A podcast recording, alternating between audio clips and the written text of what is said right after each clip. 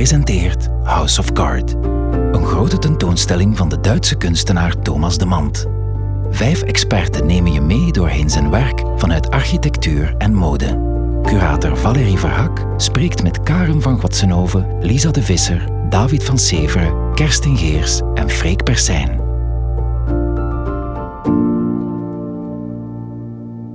Ik ben Valerie Verhak, curator in M Leuven. En vandaag zit ik samen met Freek Persijn, architect en ook stichter van het architectenbureau 51N4E. Freek, kan jij jezelf even voorstellen? Ja, ik ben uh, Freek Persijn, inderdaad architect um, bij 51N4E uit Brussel. Um, en ik ben ook uh, professor aan de Universiteit ETH in Zurich. Dus op dat moment, je, je kende ook al het werk van Thomas de Mant. En wat, uh, voor wel, welke betekenis heeft dat voor jou, dat werk? Of hoe appelleert dat? Ja, dat zijn, als architectuurstudent heb ik ooit zo'n artpress gekocht. Uh, waarin dat zijn werk op de cover stond. En waar er in, in dat magazine zo um, foto's stonden van ruimtes die zo precies verlaten waren, waar de alle documenten zo verspreid lagen. Mm -hmm. Maar dat dan duidelijk gereconstrueerd is. Dat heeft me altijd wel gefascineerd als beeld. Maar ik kan u niet zeggen dat ik echt op de hoogte was van mm -hmm. het werk van Thomas de Mant. Ja. Maar wel, dat, dat was wel, die beelden ken, kende ik wel. Ja. Binnen architectenkringen is het werk van Thomas de Mant zeer zeker opgemerkt. Mm -hmm. Op welke manier is zijn blik, zijn praktijk invloedrijk binnen architectuur? Ik ben, ik ben twintig jaar architect ongeveer, denk ik. Um, de, er is wel zo'n... Met de opkomst van digitale technieken is het eigenlijk mogelijk om hoe dat je een ruimte bedenkt, zo hyperrealistisch vorm te geven. Maar wat dat voor een stuk een valstrik is, omdat dat het eigenlijk al lijkt alsof dat resultaat er al is, terwijl dan nog gans het ontwerpproces moet je nog doorlopen. En dat is zo'n soort van voorafname en dat geeft eigenlijk te veel detail. En dat, laat eigenlijk, dat neemt eigenlijk openheid weg. Dat, dan, dat verhindert voor een stuk ook een zoektocht. En dat is wel iets dat de beelden van Thomas de Mant als een alternatief model toelaten, omdat dat voor een stuk heel tastbaar is, maar eigenlijk net die openheid geeft aan beelden die vaak voordien veel realistischer waren. Dus dat is eigenlijk informatie wegnemen om, om eigenlijk uh, opnieuw een soort van openheid en een soort van iets dat, dat je niet helemaal snapt, of dat blijft zo enigmatisch. Mm -hmm. En dat is denk ik wel heel invloedrijk geweest dat soort van um, voor een stuk beelden uh, meerdere interpretaties nog mogelijk te maken. En dus niet enkel als een oplossing, of niet enkel als iets dat, dat helemaal vast ligt. Ja. Uh, want dat is uiteraard wel iets dat je doet als architect, is dat je probeert een soort van mogelijke wereld of, zo, of een mogelijke plek te bedenken en te verbeelden. En, en in de digitale beeldvorming wordt dat onmiddellijk heel... Ja, zo, alle materialiteit wordt zo heel realistisch, waardoor dat ideeën of zo ook minder een plaats hebben. Of, mm -hmm. Omdat ontwerpen van ruimte gaat vaak meer over iets in relatie brengen tot iets anders. En als, um, als dat te realistisch is, dan gaat dat te veel over het object eigenlijk. En, um, over het, het, ding op zich. En dat is denk ik wel iets dat die beelden van Thomas de Mant echt laten zien. Hoe dat dingen nog veel meer gaan over relaties tussen... Uh, dat viel mij trouwens ook op in, in, de, in een van de tekeningen die hij maakte van dat kwadraatpaviljoen. Ja. Is er zo'n soort van maquette en dan is daar rondgeschreven, uh, denk zee, bos, uh, hoofdkwartier. Dus dat is zo de basisrelaties van als je op die plek zou staan, dus dat gaat heel duidelijk, die tekening laat zien dat dat niet gaat over dat ding dat hij maakt, maar eerder hoe dat, dat mogelijk maakt dat je je als bezoeker positioneert in dat landschap. Mm -hmm. Dat vond ik wel frappant. Zeker omdat het zo super simpel is. Mm -hmm. Zo, um, En dat is iets dat architecten soms wel missen, denk ik. Mhm. Omdat je zo danig bezig bent met hoe dat je iets maakt, dat je soms vergeet. Dat het gaat over van die super banale, ja, banaal is misschien niet het goede woord, maar het gaat eigenlijk over heel eenvoudige relaties die je maakt. Ja. Mm. Enkele jaren geleden kreeg Thomas Demand van Anders Biriel, CEO van het textielbedrijf Quadrat, Mhm. de open uitnodiging om bij hun hoofdzetel in het Deense Ebeltoft een architecturale ingreep te realiseren. Mhm. In de tentoonstelling House of Cards wordt een hele zaal gewijd aan deze kwadratpaviljoenen die Thomas Demand uittekende en die momenteel in constructie zijn. Je hebt Demand schetsen en tekeningen gezien. Ehm, wat roepen deze kwadratpaviljoenen bij jou op? Wat het project bij mij oproept, is zo het idee van een heel tijdelijke bezetting van een plek. Zo heel eh, vrij informeel. Ehm, een beetje zoals je zou, als je zou installeren in de tuin in de zomer. En dat, dan, dat je zo even zoekt naar de beste plek en naar de ideale omstandigheden, maar zonder al te veel structuur. Ehm, eerder vanuit het idee van ja, ik heb hier rondgewandeld en dat lijkt me nu wel een ideale plek om vandaag te zitten. Dat project ademt voor mij een beetje die sfeer. Zo, zo de sfeer van een vrij intuïtieve beslissing die, ehm, die ook anders zou kunnen zijn, maar die gewoon het beste lijkt op, de,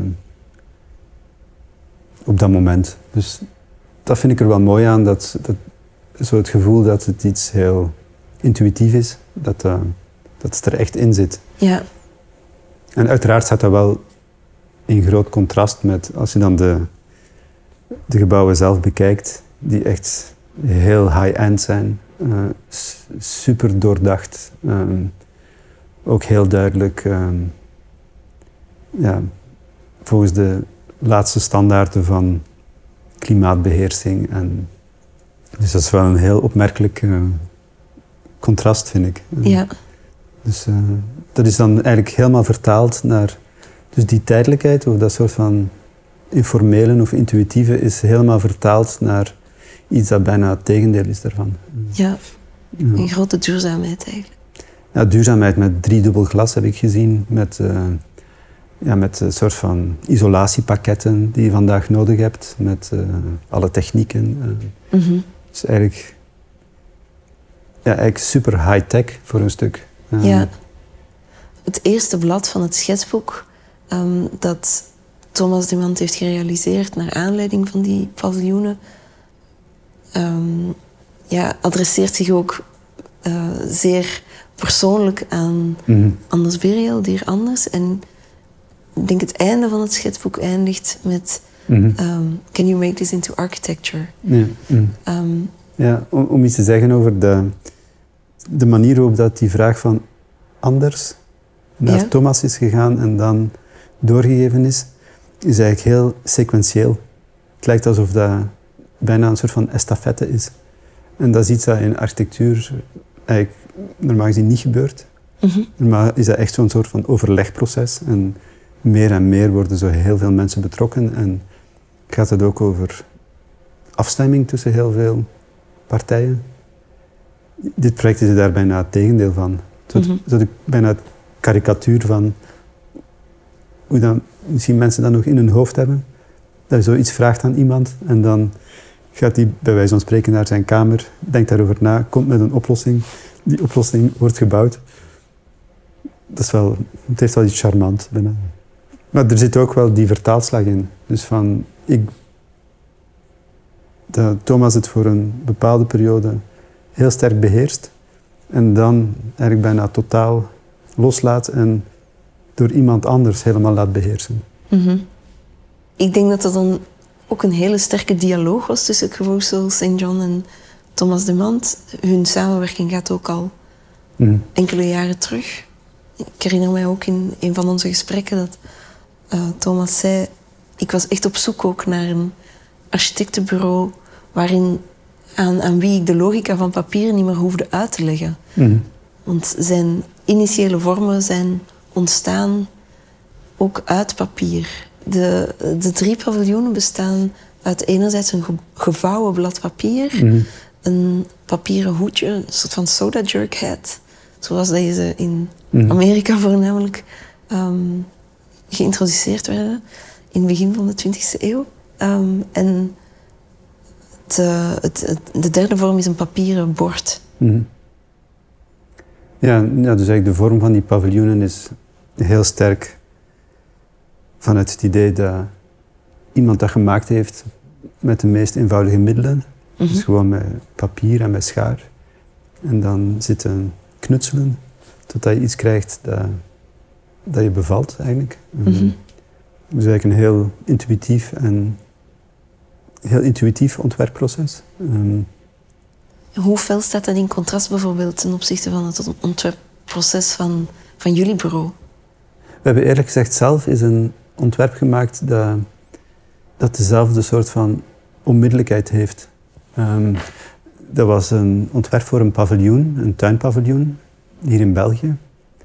Waar dat we eigenlijk een maquette hadden gemaakt van de situatie. En het ontwerp is eigenlijk een A4-blad dat we gevouwen hebben en in, ehm, in zo'n soort van restruimte geplaatst. En dat was onmiddellijk de oplossing. En um, dus eigenlijk gewoon een gevouwen blad papier dat ehm, onmiddellijk ruimte werd. En ik denk dat dat soort van onmiddellijkheid ook zit in wat dat Thomas gedaan heeft. Mm Gezocht naar iets dat heel direct spreekt en dat ook heel onmiddellijke associaties heeft met het idee van bescherming. Dus een van die paviljoenen is een tent. De andere paviljoen is een soort van op, opgetild bord en dat is dan een plek om te eten. Mhm. Ehm, dus die associaties zijn eigenlijk heel bijna kinderlijk en heel onmiddellijk. En dat is wel het mooie aan op, op die manier te werken met dat papier.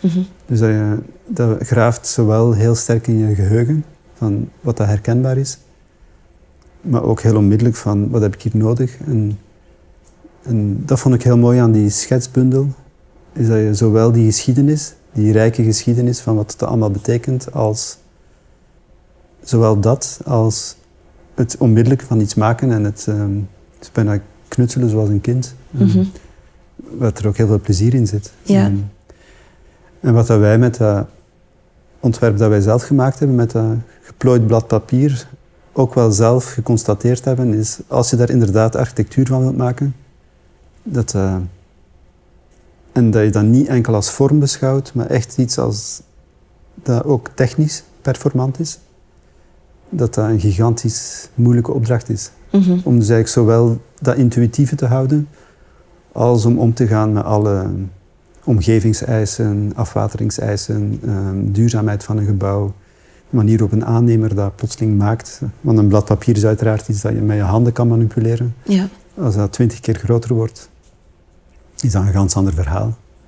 Dus, ehm, Ik denk ook, er zijn criteria als transparantie of, mhm. of textuur of welke materialen ga je daarvoor kiezen? Ja, en ik denk dat dat interessant is aan, ehm, dat vind ik zelf heel boeiend aan het werk van Cruz St. is dat ehm, dat zij heel goed beseffen dat architectuur niet enkel is, gaat over wat dingen zijn, maar ook wat voor, hoe dat ze gelezen worden of Mhm. Dus hoe dat mensen ze interpreteren. En de architectuurgeschiedenis is zeker, zeker vroeger was heel erg bezig met wat dat iets betekent en hoe dat, dat eigenlijk een, een plek vormgeeft, maar ook mensen begrip geeft van waar zijn we. En dus eigenlijk een soort van echte communicatie, meer dan, meer dan eigenlijk een gebouw, gaat architectuur over communicatie. En ehm, voor een stuk in de 20e eeuw werd architectuur veel meer puur ehm, gewaardeerd op performantie en op een vrij functionele manier. En is dat communicatieve voor een stuk wat verdwenen, denk mhm. ik. En wat de architectuur ook voor een stuk minder populair heeft gemaakt. Um, en het werk van Caruso St. brengt dat heel duidelijk terug. Dus, en is... Eh, zijn er bijvoorbeeld gebouwen waarin dat, dat heel duidelijk naar voren komt? Ja, bijvoorbeeld, um, ze hebben een uh, kindermuseum gemaakt in Londen, waarbij dat de ingang heel erg gedecoreerd is. En ehm, voor een stuk ook gewerkt met hele precieze materialen, maar het resultaat is eigenlijk vrij immaterieel, of vrij vlak en plat. Ehm, of ze hebben gebouwen gemaakt die gemaakt zijn uit beton, maar die aanvoelen als kant. Of um, ja, ze werken eigenlijk heel vaak met hoe dat iets heel tactiel wordt en heel tastbaar en ook eigenlijk hoe dat iets verwijst naar iets anders. Dus bijvoorbeeld dat gebouw dat gemaakt is, dat is geloof ik in Birmingham of Manchester, ik weet het nu niet zo goed. Um, maar dus bijvoorbeeld dat gebouw dat eruit ziet als Kant, uiteraard is dat gebouw niet van Kant, maar voor iedereen in die stad heeft dat onmiddellijk die associatie en wordt dat eigenlijk iets dat ze zich kunnen toe-eigenen. Mhm. Dus dat is eigenlijk een, gans, een ganse dynamiek van ergens bijhoren of uh, zoiets dat hoort op een plek. Ja. En dus dat heeft veel meer te maken met wat dan mensen herkennen, wat dan een soort van collectief geheugen is. Ehm, en ik denk dat dat met die paviljoenen ook iets is waar dat Thomas heel erg mee speelt. Van wat is er herkenbaar? En, en uiteraard in zijn werk is dat herkenbare altijd onherkenbaar. Omdat het zo gemaakt is uh, op een manier dat je het niet meer kan plaatsen. Ja.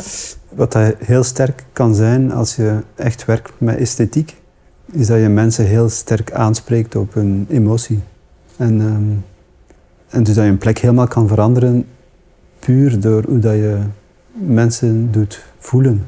Uh, en dat viel mij ook op in dat paviljoen, het feit dat er zo plotseling die, die stoel en die lamp en die, hoe zeg je dat? Deurklink. Deurklink. Uh, het feit dat die dan op die manier gemaakt zijn, dat gaat een heel sterk gevoel geven. En dat gaat alles kleuren eigenlijk. Ehm, dus mhm. waarschijnlijk als mensen één keer die deurklink aangeraakt hebben, dan beginnen ze alles wat niet op die manier gemaakt is, wel op die manier te zien. Dus eigenlijk een soort van grote operatie van mensen in een bepaalde sfeer te brengen. Een bepaald soort van... Ja, om mensen op een bepaalde manier naar dingen te doen kijken. Ja.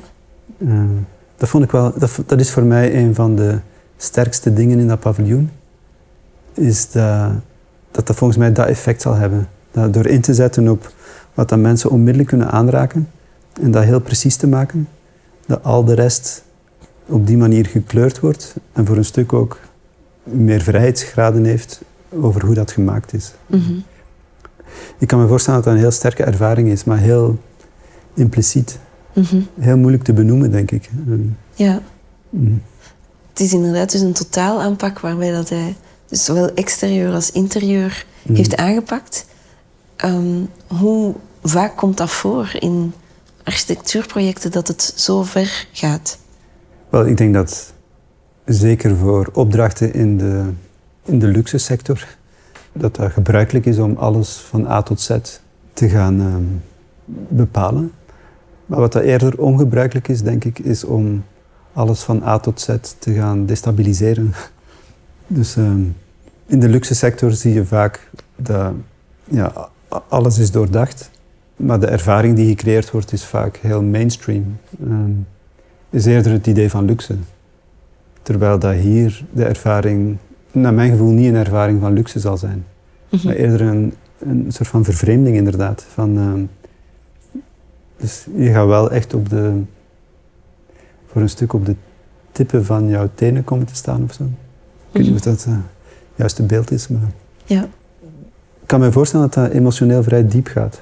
Net omdat dat zo doordacht is op die hele fijne contactmomenten. Mm het, is wel in die zin veelbelovend. Um, en in die zin ook een beetje jammer dat... Maar misschien is dat deel van de ervaring, maar dat het inderdaad op zo'n afgelegen plek ligt. Mhm. Ik zou eigenlijk graag eens willen vragen naar de aanleiding van de samenwerking die um, jouw bureau heeft gehad, samen met Caruso St. John en mhm. Thomas de Mand. Ehm, kan je misschien even toelichten welk project dat precies was en wat dat het precies inhield? Mm. Ja, we hebben eigenlijk voor de eerste keer echt samengewerkt met Caruso St. John en met Thomas de Mand voor uh, de opdracht van de wedstrijd eigenlijk, van Kanaal in Brussel. Dus uh, de Citroën garage die omgevormd zou worden. En um, die samenwerking is eigenlijk zo verlopen dat wij Crusoe St. John gecontacteerd hebben en zij ehm, Thomas de Mand kenden en onmiddellijk voorgesteld hebben om hem erbij te betrekken. En uh, ja, de, de reden voor ons om um, St. John te betrekken is omdat wij het gevoel hadden dat um, op zo'n plek waar dat het programma naar ons gevoel heel open was en een plek die zo, ja, zodanig um, veel fysieke kwaliteit heeft, om echt samen te werken met architecten die de fysieke kwaliteit van zo'n plek echt kunnen begrijpen en niet zomaar restaureren, maar ook een nieuwe betekenis geven. Um, en de samenwerking met Thomas was daar eigenlijk nog een stap verder in, omdat um, hij reageerde op elementen van dat gebouw die je als architect misschien te snel zou vergeten. Dus bijvoorbeeld het feit dat het een garage was. En niet enkel het feit dat het een garage was, maar ook de manier waarop dat zo'n garage eigenlijk een soort van symptoom is van de 20e eeuw. Van een soort van fossiele maatschappij en van een soort van modernistisch gedachtegoed. Dus wij waren wel bezig met inderdaad dat modernisme, en, maar misschien niet zozeer via het heel concrete van ja, dat is een garage. En dat vond ik wel heel opmerkelijk, want hij heeft dan ook voorgesteld om Ed Ruscha te betrekken Ed Ruscha, Amerikaans kunstenaar. Ja, die zo echt de kunstenaar is van de fossiele maatschappij, zou je kunnen zeggen. Dat zijn uh, schilderijen van tankstations en blijkbaar ook een hele grote verzameling van uh, wagens uit de tweede helft van de 20e eeuw. Dus dat was plotseling vanuit zo'n heel eenvoudige invalshoek een heel precieze relatie met um, wat dat gebouw vandaag kan betekenen, hoe dat, dat vandaag ook een soort van agency zou kunnen hebben in een discussie. En ik denk dat dat was waar dat wij naar op zoek waren. Naar hoe dat zo'n gebouw eigenlijk bijna een plek kan beginnen vormgeven. Als je echt met die plek een programma begint te schrijven of een uh, werking begint op te zetten. Maar dus de invulling van Thomas de Mant in dat project was meer een conceptuele, uh, ook mee ja. instappen in het conceptuele ja. debat, in de conceptfase, in de ideeën, ja. dan dat het echt een, een tastbare um, interventie zou zijn, bijvoorbeeld. Ja. dus in die zin was de samenwerking met Thomas de Mant, dus dat de samenwerking met een kunstenaar gaat over samen ja, ergens bedenken wat, uh, wat dat je vandaag zou moeten kunnen doen, wat dat de betekenis is van dingen, hoe dat iets werkt ja, wat voor soort van operatie dat je opzet eigenlijk. Dus inderdaad heel conceptueel. Mhm. En dat vind ik zelf heel interessant. Omdat je krijgt plotseling verschillende perspectieven op één ding. En um, ja.